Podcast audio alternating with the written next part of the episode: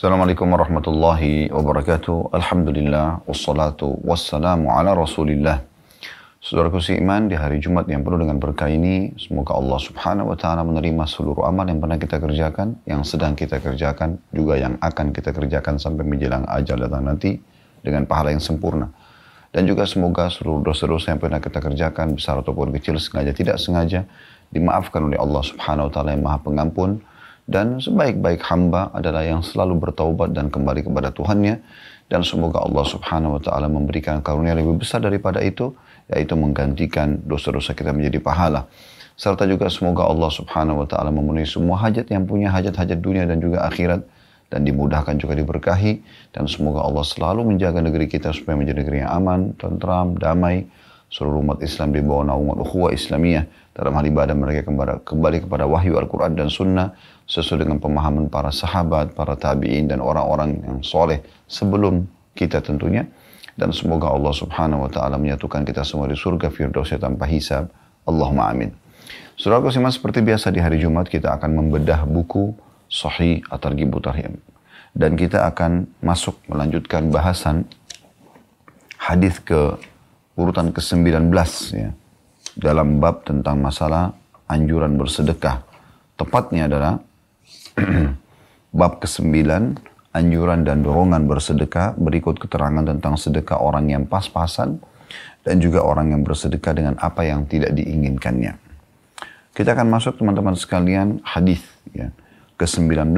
Ya. Namun sebelumnya saya akan ingatkan hadis terakhir yang kita pelajari pada pertemuan yang lalu, hadis ke-18 dengan sanad Hasan, urutan 873 dari awal belajar berbunyi, ya, Rasulullah SAW bersabda, Inna sadaqata la tudfi'u an ahliha harral kubur.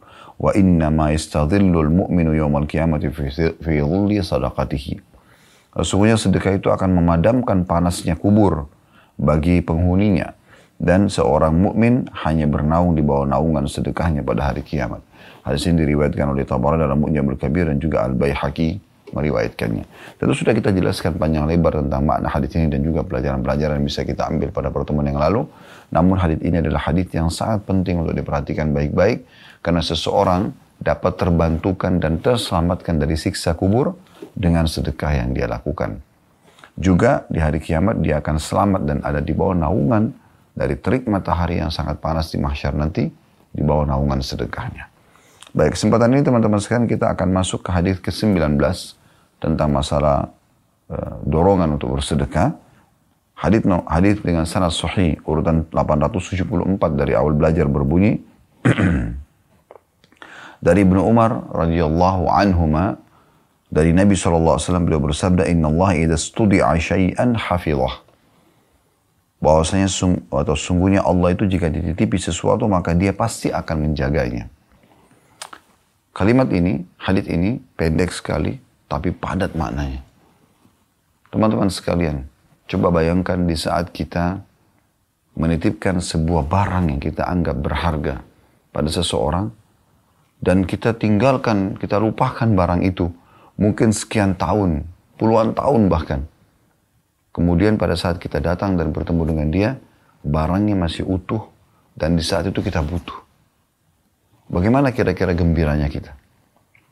Allah subhanahu wa ta'ala menjaga semua yang Bapak Ibu sudah lakukan dari amal saleh.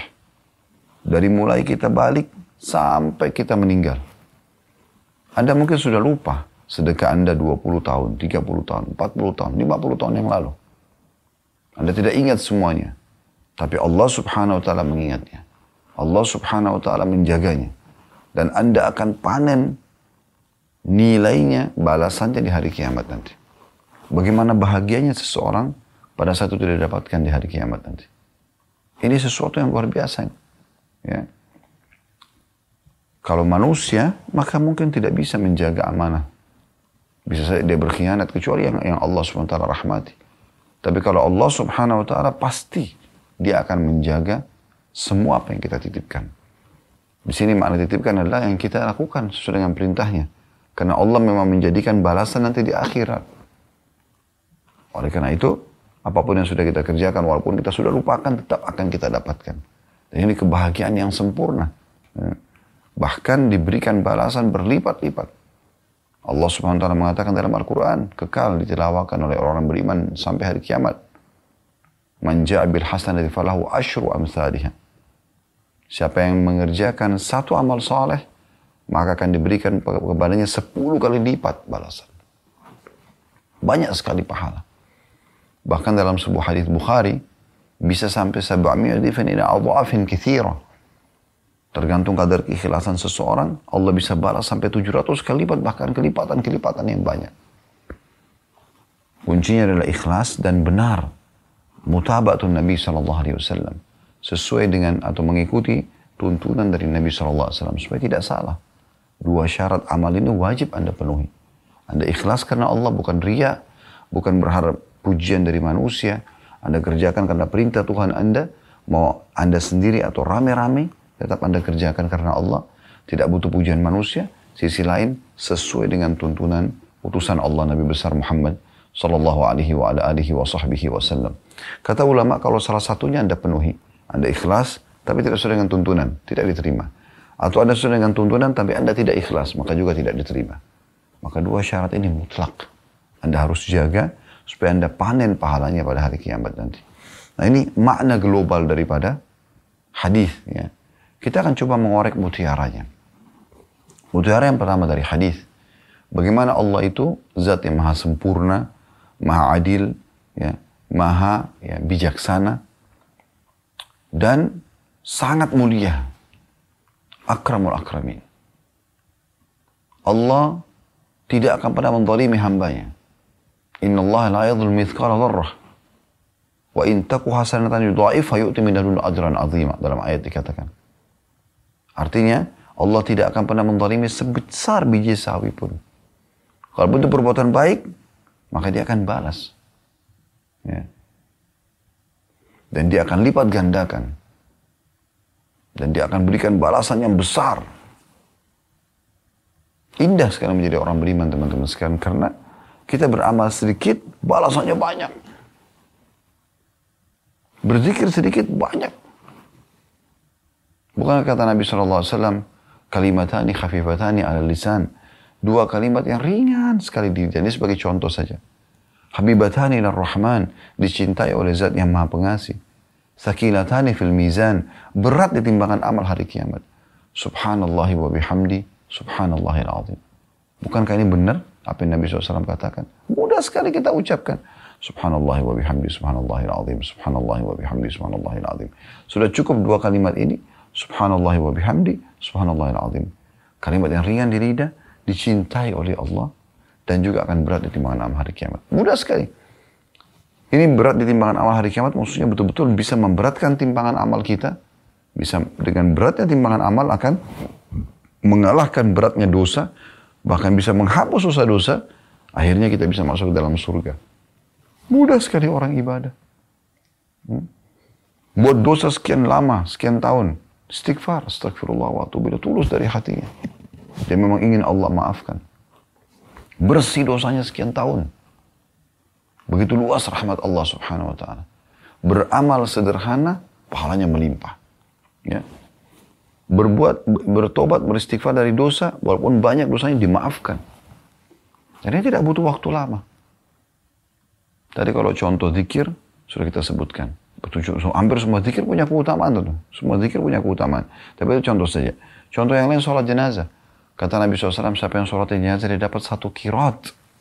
Dan siapa yang mengantar jenazah hingga dimakamkan dapat satu kirot.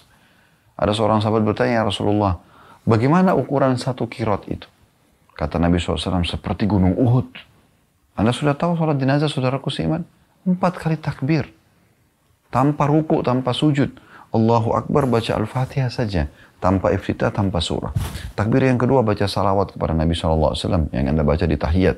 Ya. Takbir ketiga Anda doakan si mayit. Takbir keempat Anda bisa doakan diri sendiri atau Anda langsung salam. Itu hitungannya mungkin satu menit sholat jenazah itu. Pahalanya satu gunung seperti Uhud. Anda bisa bayangkan. Begitu luar biasanya Allah janjikan pahala-pahala yang sangat besar. Jadi kita harus betul-betul jeli memahami kalau Allah itu maha pemurah, maha penyayang. Tapi bagi orang yang mau mendekatkan diri kepadanya. Pelajaran yang kedua diambil dari hadis ini adalah semua amal soleh yang Bapak Ibu kerjakan akan dapat balasannya. Tidak usah khawatir. Dan juga sisi lain, semua dosa akan dapat hukumannya. Kecuali Anda bertaubat. Nah ini poin penting. Ya. Pelajaran kedua ini penting sekali untuk diketahui. Kalau Allah subhanahu wa ta'ala akan memberikan balasan. Makna daripada hafizah, dia akan menjaganya. Masuk dalam mutiara yang pertama tadi, kalau Allah punya sifat yang maha pengasih, maha penyayang, dan selalu yang memberikan balasan terbaik bagi hambanya, atau untuk hambanya. Sisi yang lain adalah orang kalau berbuat amal soleh apa pun akan dia terima balasannya. Sekecil apa pun. Dan juga kalau dia buat dosa akan dapat hukumannya kecuali dia bertaubat. Ya. Amal soleh ini tidak ada namanya, oh karena sudah lama, sudah 55 tahun yang lalu, 60 tahun yang lalu dikerjakan, berarti sudah tidak, saya tidak tahu itu akan nampak atau tidak hari kiamat. Tidak akan nampak. Anda akan dapatkan semuanya. Nah ini pelajaran yang luar biasa juga dari hadis yang kita pelajari yang pertama di pagi ini. Kita masuk teman-teman sekalian hadis ke-20. Hadis ke-20 adalah contoh realita bagaimana para salafus salih di kalangan sahabat terutama merealisasikan ya, sedekah dalam kehidupan mereka dan bagaimana Nabi SAW langsung merespon memberikan gambaran tentang balasannya. Saya akan bacakan hadis ke-20 dengan sanad sahih urutan 875 dari awal belajar berbunyi dari Anas radhiyallahu anhu dia berkata kana Abu Talhata akthar al-ansari bil Madinati malan min nakhl وكان أحب amwalihi ilaihi dalam kurung bayruha atau ya biraha di situ ya. Wa kanat mustaqbilat al-masjid. Wa kana Rasulullah sallallahu alaihi wasallam yadkhuluha wa yashrabu min ma'in fiha tayyib. Qala Anas, falamma nazalat hadhihi al-aya lan tanaru bi hatta tunfiqu mimma tuhibbun Qala Abu Talhata ila Rasulillah sallallahu alaihi wasallam. Qama ya, qama Abu Talhata ila Rasulillah sallallahu alaihi wasallam faqal, ya Rasulullah, inna Allah tabaraka wa ta'ala yaqul, lan tanarbu hatta tunfiqu mimma tuhibbun wa inna ahabba amwali ilayya bayraha atau biraha. Wa innaha sadaqatun lillahi arju birraha wa dhuhraha indallah. Fa fadha'ha ya Rasulullah haitsu araka Allah. Qala faqala Rasulullah SAW, Bakhin dha kamalun rabih. Bakhin dha kamalun rabih. Hadis ini diriwayatkan Bukhari, Muslim, Tirmidzi dan juga An-Nasai meriwayatkan tapi lebih ringkas. Terjemahannya, kata Anas radhiyallahu anhu, Abu Talha adalah orang Ansar yang paling banyak hartanya di Madinah dalam bentuk kebun kurma. Jadi Anas seorang sahabat menceritakan tentang sahabat yang lain ya, yang pernah terjadi interaksi dengan Nabi SAW dan praktek langsung lapangan tentang masalah sedekah. Anas mengatakan ada seseorang namanya Abu Talha dan dia adalah figur orang yang paling banyak hartanya dari kalangan Ansar penduduk asli Madinah di dalam bentuk kebun kurma. Dan harta yang paling dicintai adalah kebun yang bernama Biraha. Ya, yang menghadap ke masjid. Nabi SAW kadang masuk ke kebun dan minum, ke kebun itu dan minum dari airnya yang segar. Lalu Anas melanjutkan sambil mengatakan, manakala turun firman Allah Subhanahu wa taala dalam surah Al-Imran ayat 92 yang artinya, kamu tidak akan meraih kebajikan atau kebaikan sempurna sebelum kamu menafkahkan sebagian harta yang kamu cintai. Maka Abu Talha menghadap, pergi menghadap Rasulullah SAW dan mengatakan, Ya Rasulullah, sesungguhnya Allah yang maha suci dan maha tinggi telah berfirman, kamu tidak akan meraih kebajikan sempurna, balasan sempurna sebelum kamu menafkahkan sebagian harta yang paling kamu cintai. Ali Imran 92. Dan harta yang paling aku cintai adalah kebunku biraha. Aku menjadikannya sebagai sedekah karena Allah dan aku harapkan kebaikan dan pahala yang di sisi Allah. Maka letakkanlah ya Rasulullah seperti yang Allah perlihatkan kepada anda atau sebagaimana Allah izinkan anda. Maka Anas melanjutkan, maka Rasulullah SAW mengatakan, bagus, itu adalah harta yang sangat menguntungkan. Bagus atau sangat baik, itu adalah harta yang sangat menguntungkan. Hadith ini teman-teman sekalian, hadith yang mulia sekali. Ya. Bagaimana ya, seorang sahabat memberikan pengorbanannya di jalan Allah Subhanahu wa taala sekaligus jadi pelajaran buat kita. Dan subhanallah, setiap amal yang ikhlas itu Allah abadikan. Walaupun orangnya sudah meninggal, ya, maka Allah jadikan sebagai informasi yang dinukil di antara manusia. Ya. Di sini Abu Talha radhiyallahu anhu, sahabat Nabi yang sudah meninggal 1400 tahun lebih yang lalu.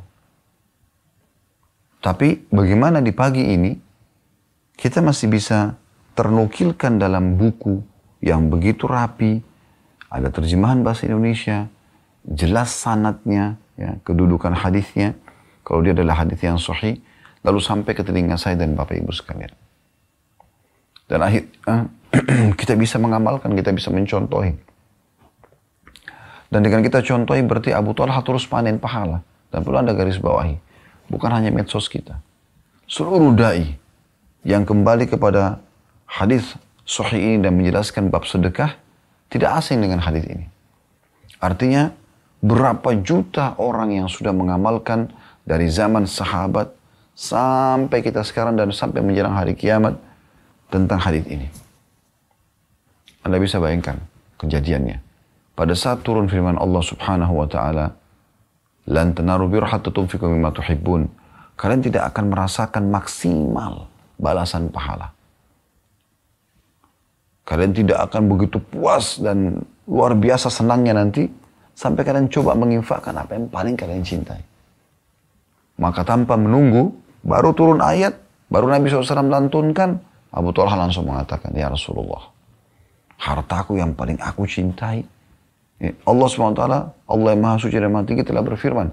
Ya, bahwasanya kalian tidak mendapatkan maksimal balasan kebajikan sampai kalian infakkan apa yang paling kalian cintai.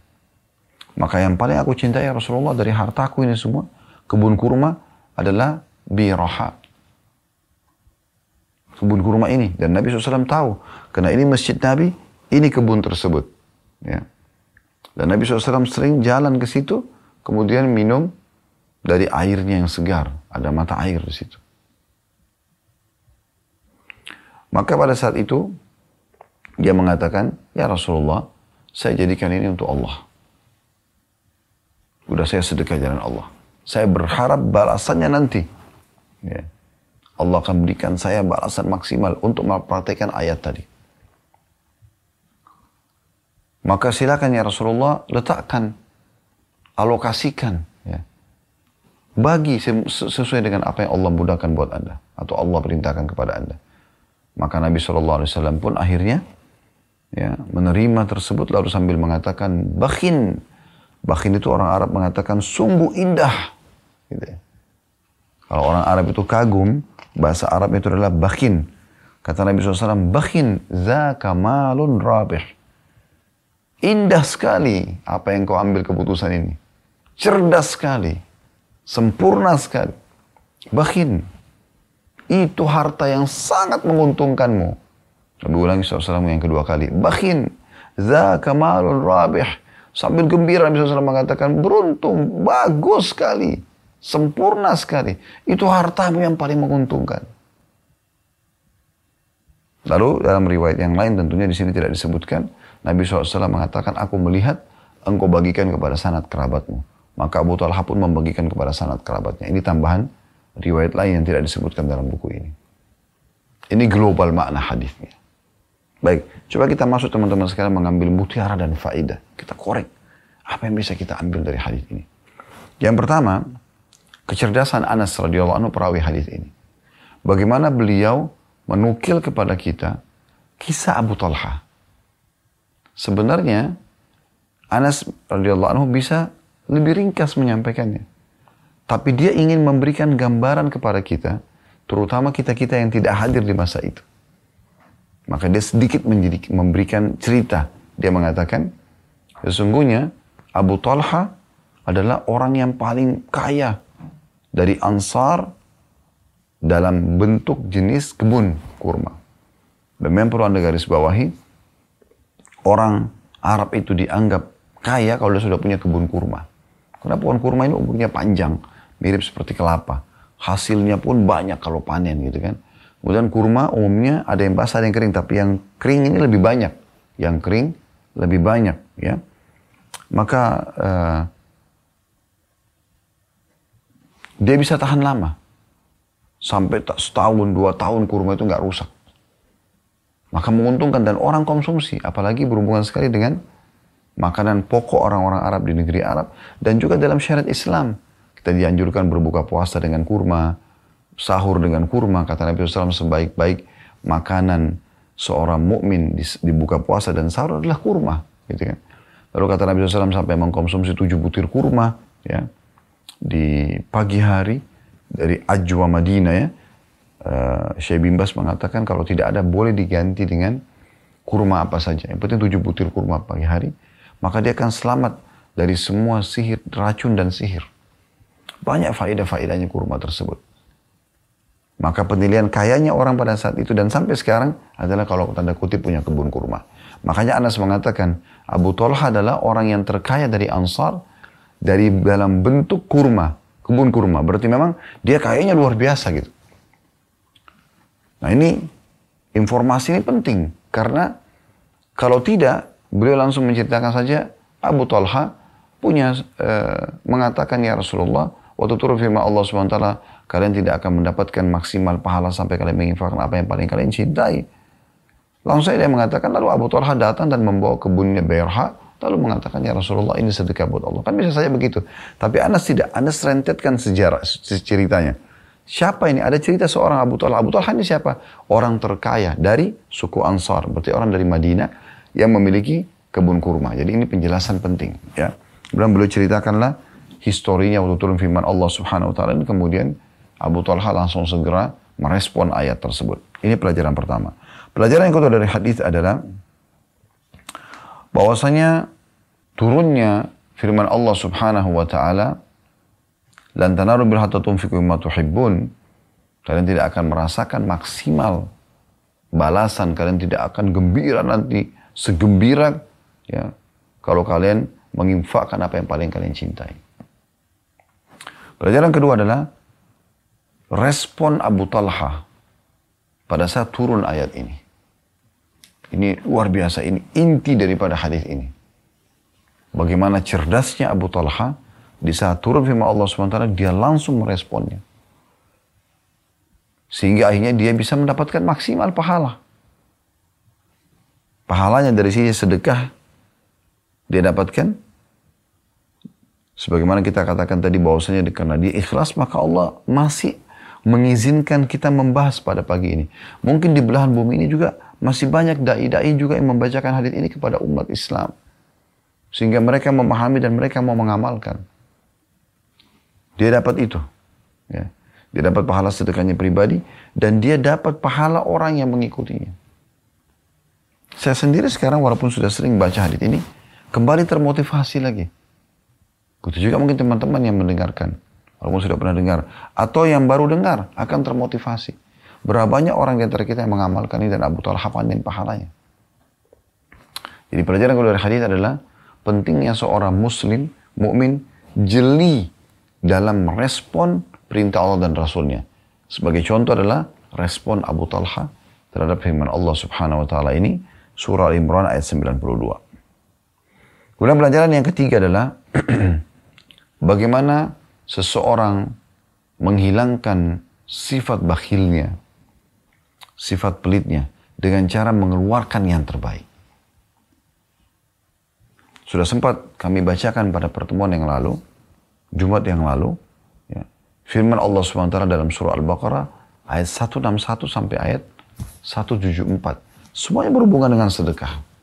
Saya tidak ulangi lagi karena ini sudah sering kita ulangi teman-teman sekalian. Tapi Anda bisa kembali bagi yang baru ikut acara kita ini. Al-Baqarah 161 sampai 174. Semua bicara tentang masalah sedekah.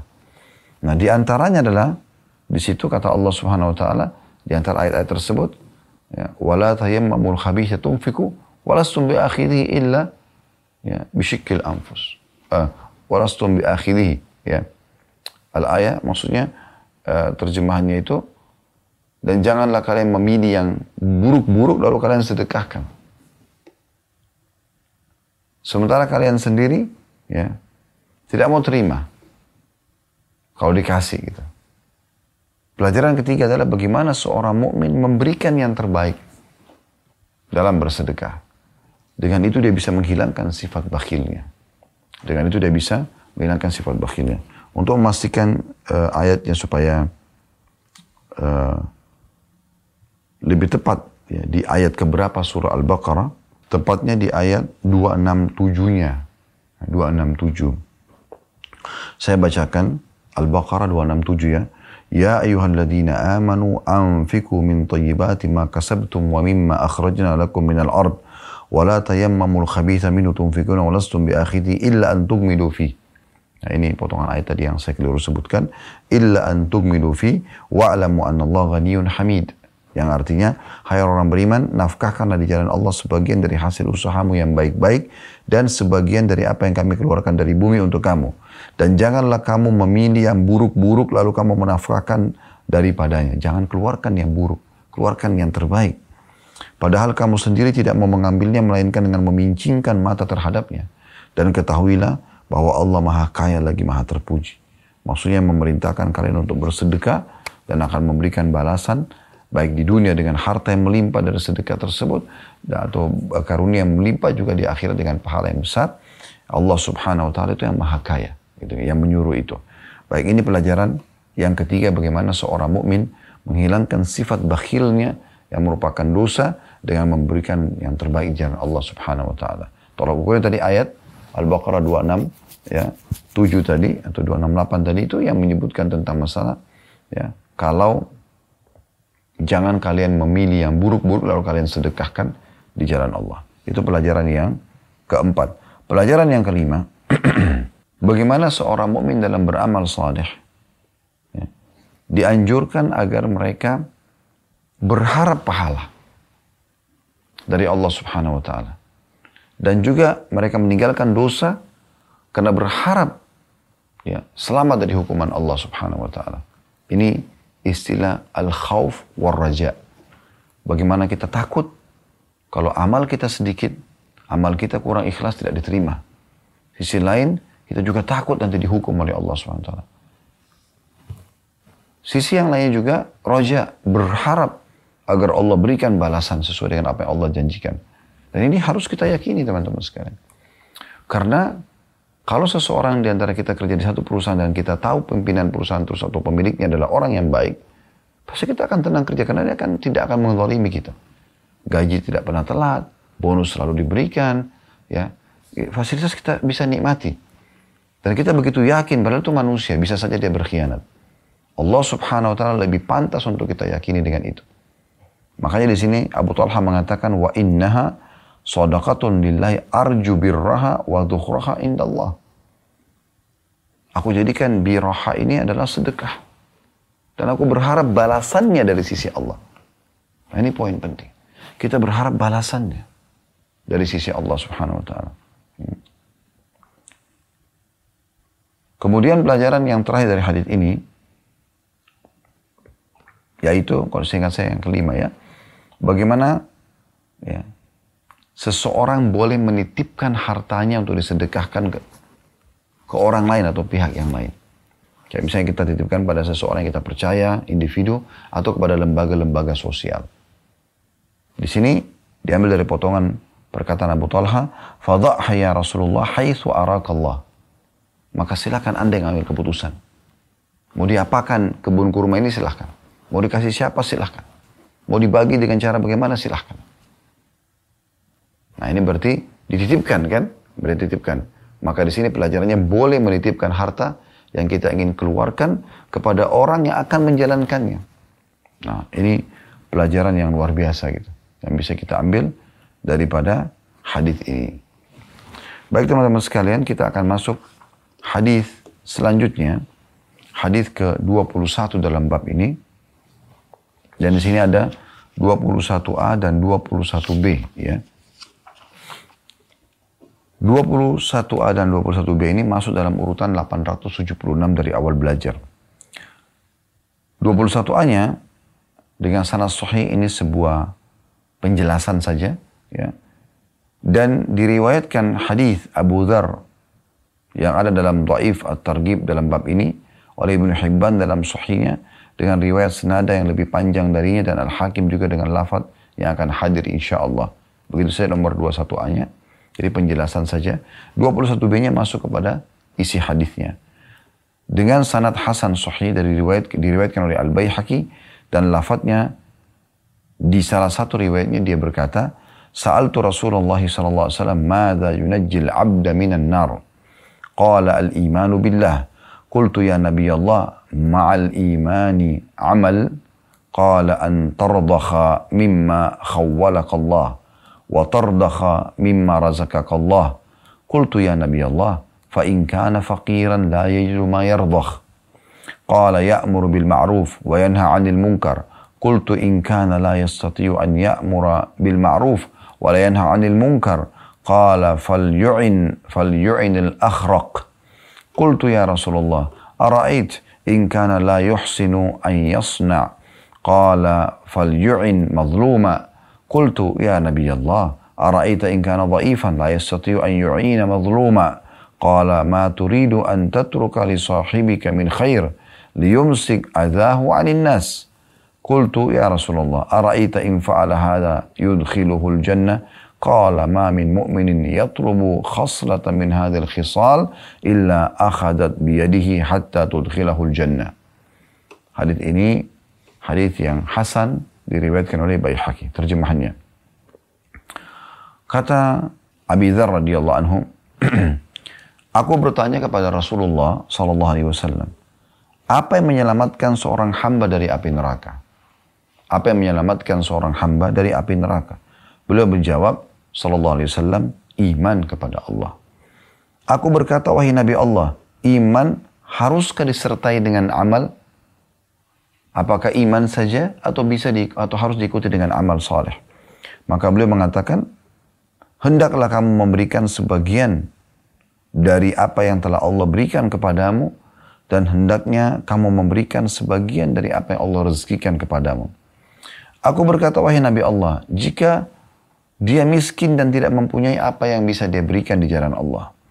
Maka Nabi SAW menjawab, hendaklah dia mengajak orang untuk berbuat baik atau ma'ruf dan mencegah orang dari berbuat mungkar. Aku berkata, jika dia tidak mampu mengajak kepada yang baik dan mencegah dari yang mungkar, maka Nabi SAW menjawab, hendaklah dia membantu orang yang tidak bisa apa-apa. Aku berkata, ya Rasulullah, Bagaimana jika dia dia sendiri tidak bisa apa-apa? Beliau menjawab, hendaklah dia membantu orang yang dianiaya. Aku berkata, ya Nabi Allah, bagaimana jika dia lemah dan tidak mampu menolong orang yang dianiaya? Maka beliau SAW menjawab dengan kebajikan apa saja yang ingin kau tinggalkan atau berikan untuk kawanmu agar dia tidak mengganggu orang-orang. Aku berkata, ya Rasulullah, menurutmu jika dia melakukan itu, apakah amalan itu memasukkannya ke dalam surga? Kata Nabi SAW, tidak ada seorang mukmin mencari satu dari sifat-sifat di atas, maksudnya apa yang sudah disebutkan tadi, kecuali amalan itu akan menggenggam tangannya dan menuntunnya sampai ia memasukkannya ke dalam surga. Dan ini sekaligus hadis ya, ya yang kita bahas pada kesempatan ini sebagai penutup ya dalam uh, bahasan kita insya Allah atau ada sebuah hadis lagi ya Setelahnya akan kita bahas insya Allah. Tapi hadis ini hadis yang luar biasa gitu. Hadis yang luar biasa. Ada sudah dengar terjemahnya tapi coba kita lihat makna globalnya. Baru kemudian kita masuk ke mutiaranya. Makna global Abi Dhar radhiyallahu anhu. Al-Ghifari. Seorang sahabat yang termasuk uh, as-sabiqun al-awwalun. Orang yang pertama masuk Islam di fase Mekah gitu ya. Beliau yang uh, sempat sampai menyiksa diri sekian Eh, puluh hari tinggal di Mekah untuk mencari informasi tentang Nabi SAW karena pada saat itu ya uh, orang-orang Quraisy memukuli bahkan bisa membunuh dan merampas harta orang yang menanyakan tentang Islam. Maka dia bersabar, bahkan dia cuma minum air zam-zam saja pada saat itu untuk bisa hidup. Sampai akhirnya dia bertemu dengan Nabi SAW dan masuk Islam. Ya. Dan suku Gifar ini suku yang terkenal mereka tuh perampok. Tapi setelah Bidar masuk Islam, mengubah, bisa mengubah, Islam bisa mengubah semua mereka. Ya. Menjadi orang-orang yang baik dan akhirnya masuk Islam, termasuk Abi Dhar Di sini kejelian dia. Dia bertanya kepada Nabi SAW, ya, apa yang bisa menyelamatkan seorang hamba dari api neraka? Kadang-kadang kan orang orang nanya, Apa yang bisa membuat kita masuk ke dalam surga? Enggak. Apa yang bisa menyelamatkan dari api neraka? Kata Nabi SAW, iman kepada Allah. Dia cerdas nih. Kalau dia biarkan begitu saja, maka masih umum. Banyak orang beriman. Tapi apakah cukup tanpa amal? Lalu dia bertanya, apakah iman itu diikuti dengan amal? Bisa bermakna, bisa bermakna juga, apakah cukup iman saja kalau tidak amal? Maka kata Nabi SAW, tentu saja dengan amal. Harus iman dengan amal. Tidak cukup Anda mengatakan saya muslim, saya mukmin, tapi tidak pernah beramal. Lalu Nabi SAW masuk ke rincian amal-amal itu. Di antaranya, yang bisa menyelamatkan dari neraka adalah yang paling pertama disebutkan masalah sedekah. Ya. Engkau mengeluarkan apa yang Allah berikan kepadamu atau jadikan sebagai rezekimu. Sebagiannya, kasih ke orang. Tapi Abizar jeli sekali. Beliau masih bertanya lagi, ya Rasulullah, bagaimana kalau orang itu miskin? Maka kata Nabi SAW, dia coba mengajak orang berbuat baik, apa yang dia faham dari agama. Ayo sholat, ayo puasa, ayo sedekah, ayo gini. Dia ajak orang. Atau dia larang orang dari buat mungkar. Atau orang membuat dosa dia larang, nggak boleh, ini dilarang. Abidar masih bertanya, ya Rasulullah, bagaimana kalau tidak mampu mengajak orang berbuat baik dan melarang dari kemungkaran? Maka kata Nabi SAW, hendaklah dia bantu ya dia membantu orang yang tidak bisa apa-apa. Apa saja misalnya tidak mampu buat apa-apa, dia bantu apa saja yang bisa. Ah, kata Bidar, ya Rasulullah, kalau dia juga tidak bisa buat apa-apa. Kata Nabi Wasallam, ya, hendaklah dia membantu orang dianiaya. Kalau tidak bisa bantu orang berbuat baik, dia rangkul tangannya, dia gandeng tangannya ke masjid. Ya udah, dia berhentiin orang yang mau berbuat jahat. Lalu kata Abi Dhar, ya Rasulullah, bagaimana kalau dia lemah? Dia sendiri tidak punya kekuatan memberhentikan orang yang berbuat jahat itu. Kata Nabi SAW, dia coba lakukan apa saja yang dia anggap bisa baik agar temannya yang mau berbuat jahat itu berhenti. Bisa dikatakan, jangan lo nggak boleh. Minimal. Gitu kan. Itu nggak boleh, itu haram dalam Islam.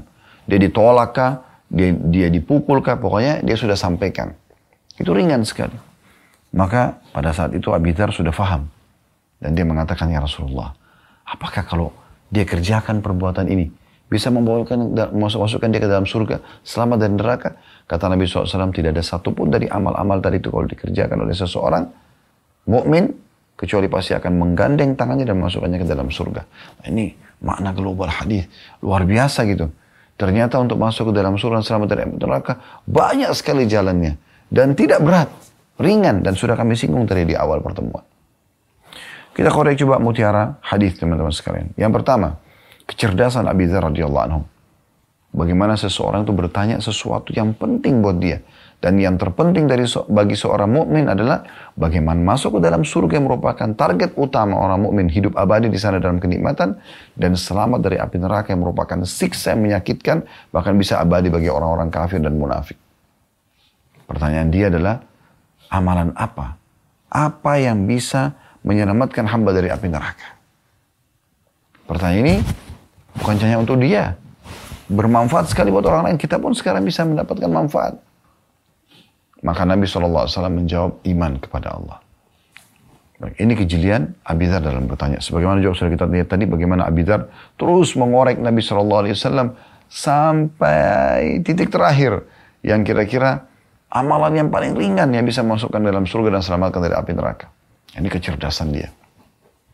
Pelajaran yang kedua, amal yang paling baik dan sesuatu yang paling mudah menyelamatkan seorang hamba dari api neraka adalah iman kepada Allah. Yakin tidak ada pencipta, apa pun yang di langit dijangkau kalau tidak dijangkau oleh mata kita, apa pun yang di bumi dijangkau kalau tidak dijangkau oleh mata kita, apa pun di dalam, dalam lautan, ya dalam bumi jang, dijangkau kalau tidak dijangkau oleh mata kita, Kalimat rahasianya adalah la ilaha.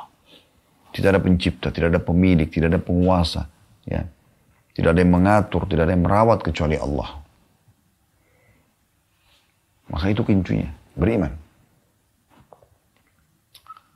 Kemudian iman ini teman-teman ya, harus diikuti dengan amal. Tidak bisa orang beriman saja. Jadi harus diikuti dengan amal, harus ada perbuatan yang Allah perintahkan. Pelajaran yang ketiga dari hadis adalah pentingnya mengikuti iman dengan amal. Ya. Kalau tadi kan yang kedua itu adalah yang tertinggi dari amal itu adalah iman kepada Allah. Uh, uh, yang yang paling menyelamatkan orang dari api neraka adalah iman kepada Allah. Jadi tentang kedudukan iman. Pelajaran yang ketiga adalah uh, bagaimana iman itu harus diikuti dengan amal. Pelajaran yang keempat adalah kedudukan sedekah dalam Islam.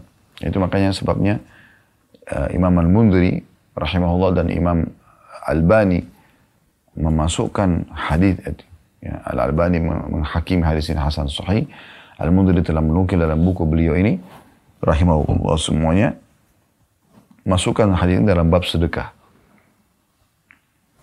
Karena potongan ini kata Nabi SAW, engkau ya, memberikan sebagian dari apa yang Allah berikan kepadamu dan hendaklah kamu memberikan sebagian yang Allah rezekikan kepadamu. Jadi di sini kalau kita tangkap teman-teman sekalian pelajaran kita yang ya, keempat di sini tentang kedudukan sedekah, bagaimana sedekah itu amalan pertama yang Nabi SAW sebutkan setelah iman kepada Allah dalam hadis ini. Karena kan Nabi Dar waktu tanya, apa yang bisa menyelamatkan orang dari api neraka? Iman kepada Allah. Apakah iman butuh ditemani dengan amal? Kata Nabi SAW, iya. Lalu Nabi sebutkan rinciannya, yang paling pertama adalah engkau sedekahkan. Berarti kedudukan sedekah, itu pelajaran keempatnya. Dan ini sebabnya hadis ini dimasukkan dalam bab sedekah.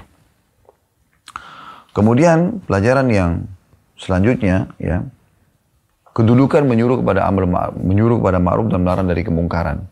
Karena pada saat Abi mengatakan ya Rasulullah bagaimana kalau itu orang miskin? Kalau sedekah itu adalah amal yang paling mudah menyelamatkan dari api neraka setelah iman kepada Allah, maka bagaimana dengan bagaimana kalau dia orang miskin? Maka di sini Nabi sebutkan bisa menyuruh pada kebaikan, melarang dari kemungkaran. Berarti ini poin kelima, ini mutiara kelima.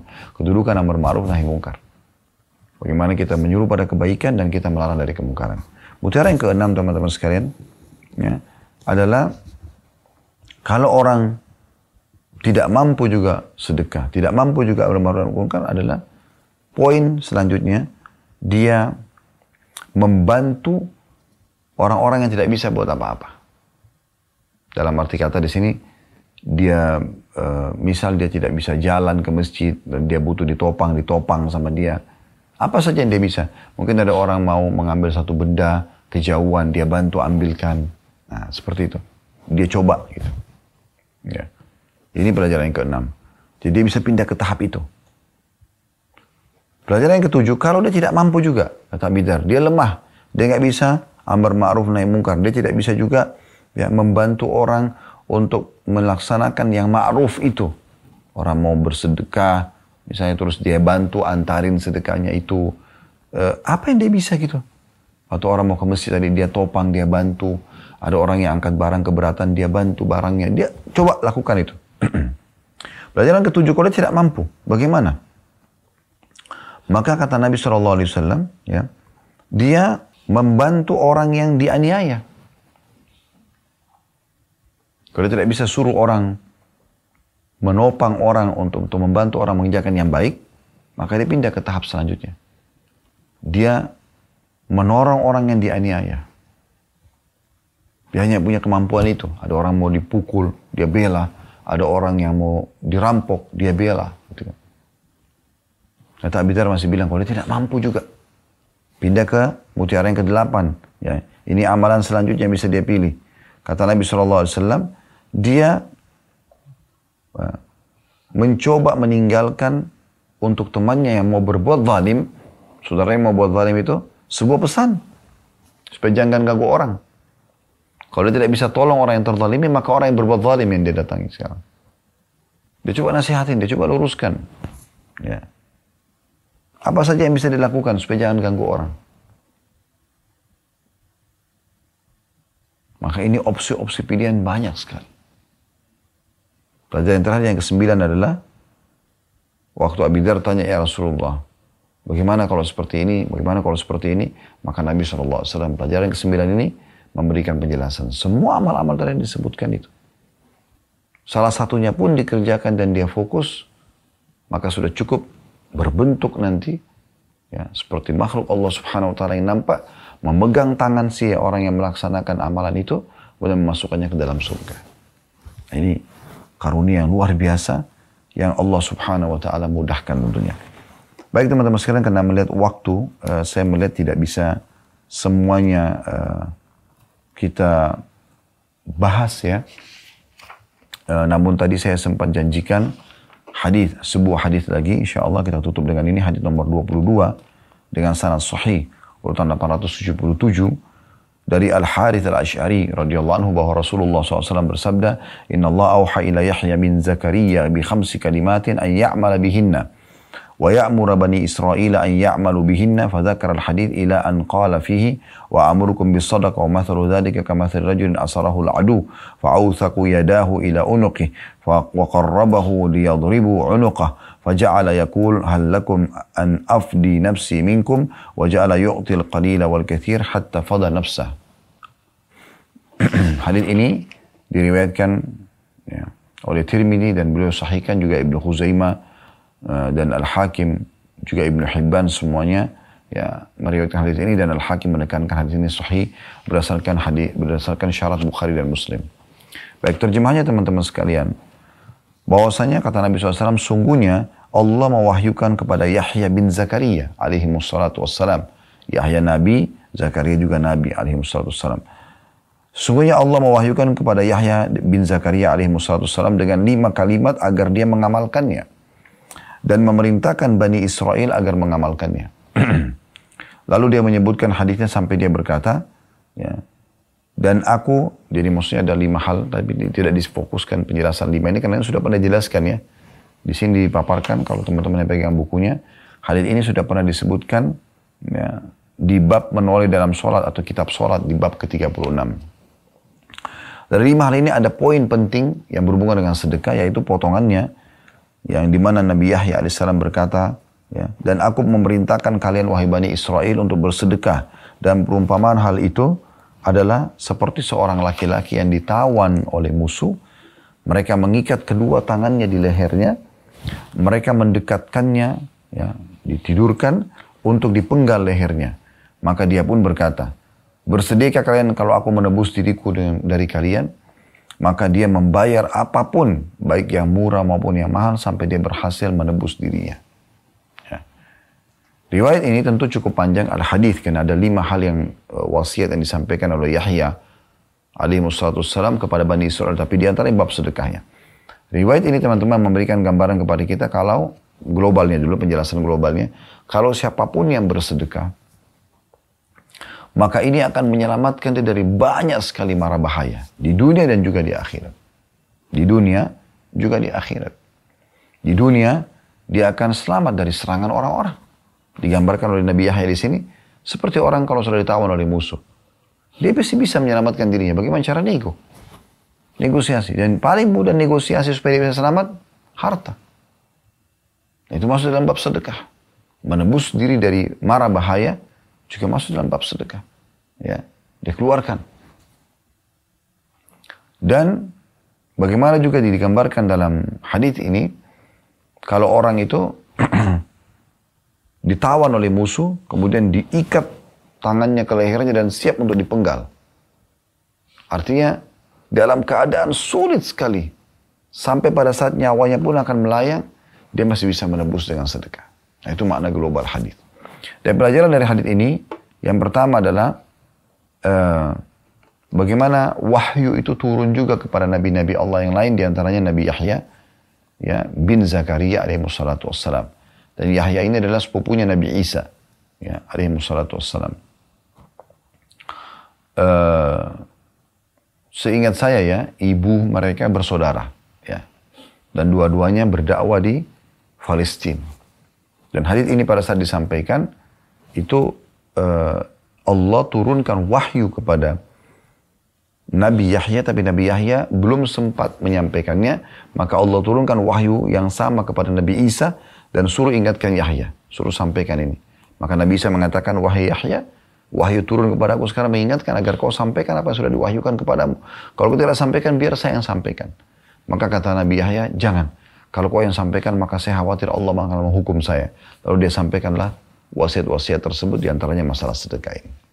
Itu pelajaran pertama. Pelajaran yang kedua dari hadis adalah tentang masalah ya, uh, jadi pertama kedudukan Yahya alaihissalam dan bagaimana Nabi-Nabi menerima wahyu. Yang kedua adalah kedudukan sedekah sendiri. Bahwasanya sedekah itu akan menyelamatkan orang dari banyak sekali permasalahan. Saya sudah bahasakan tadi di dunia maupun di akhirat. Allahu a'lam.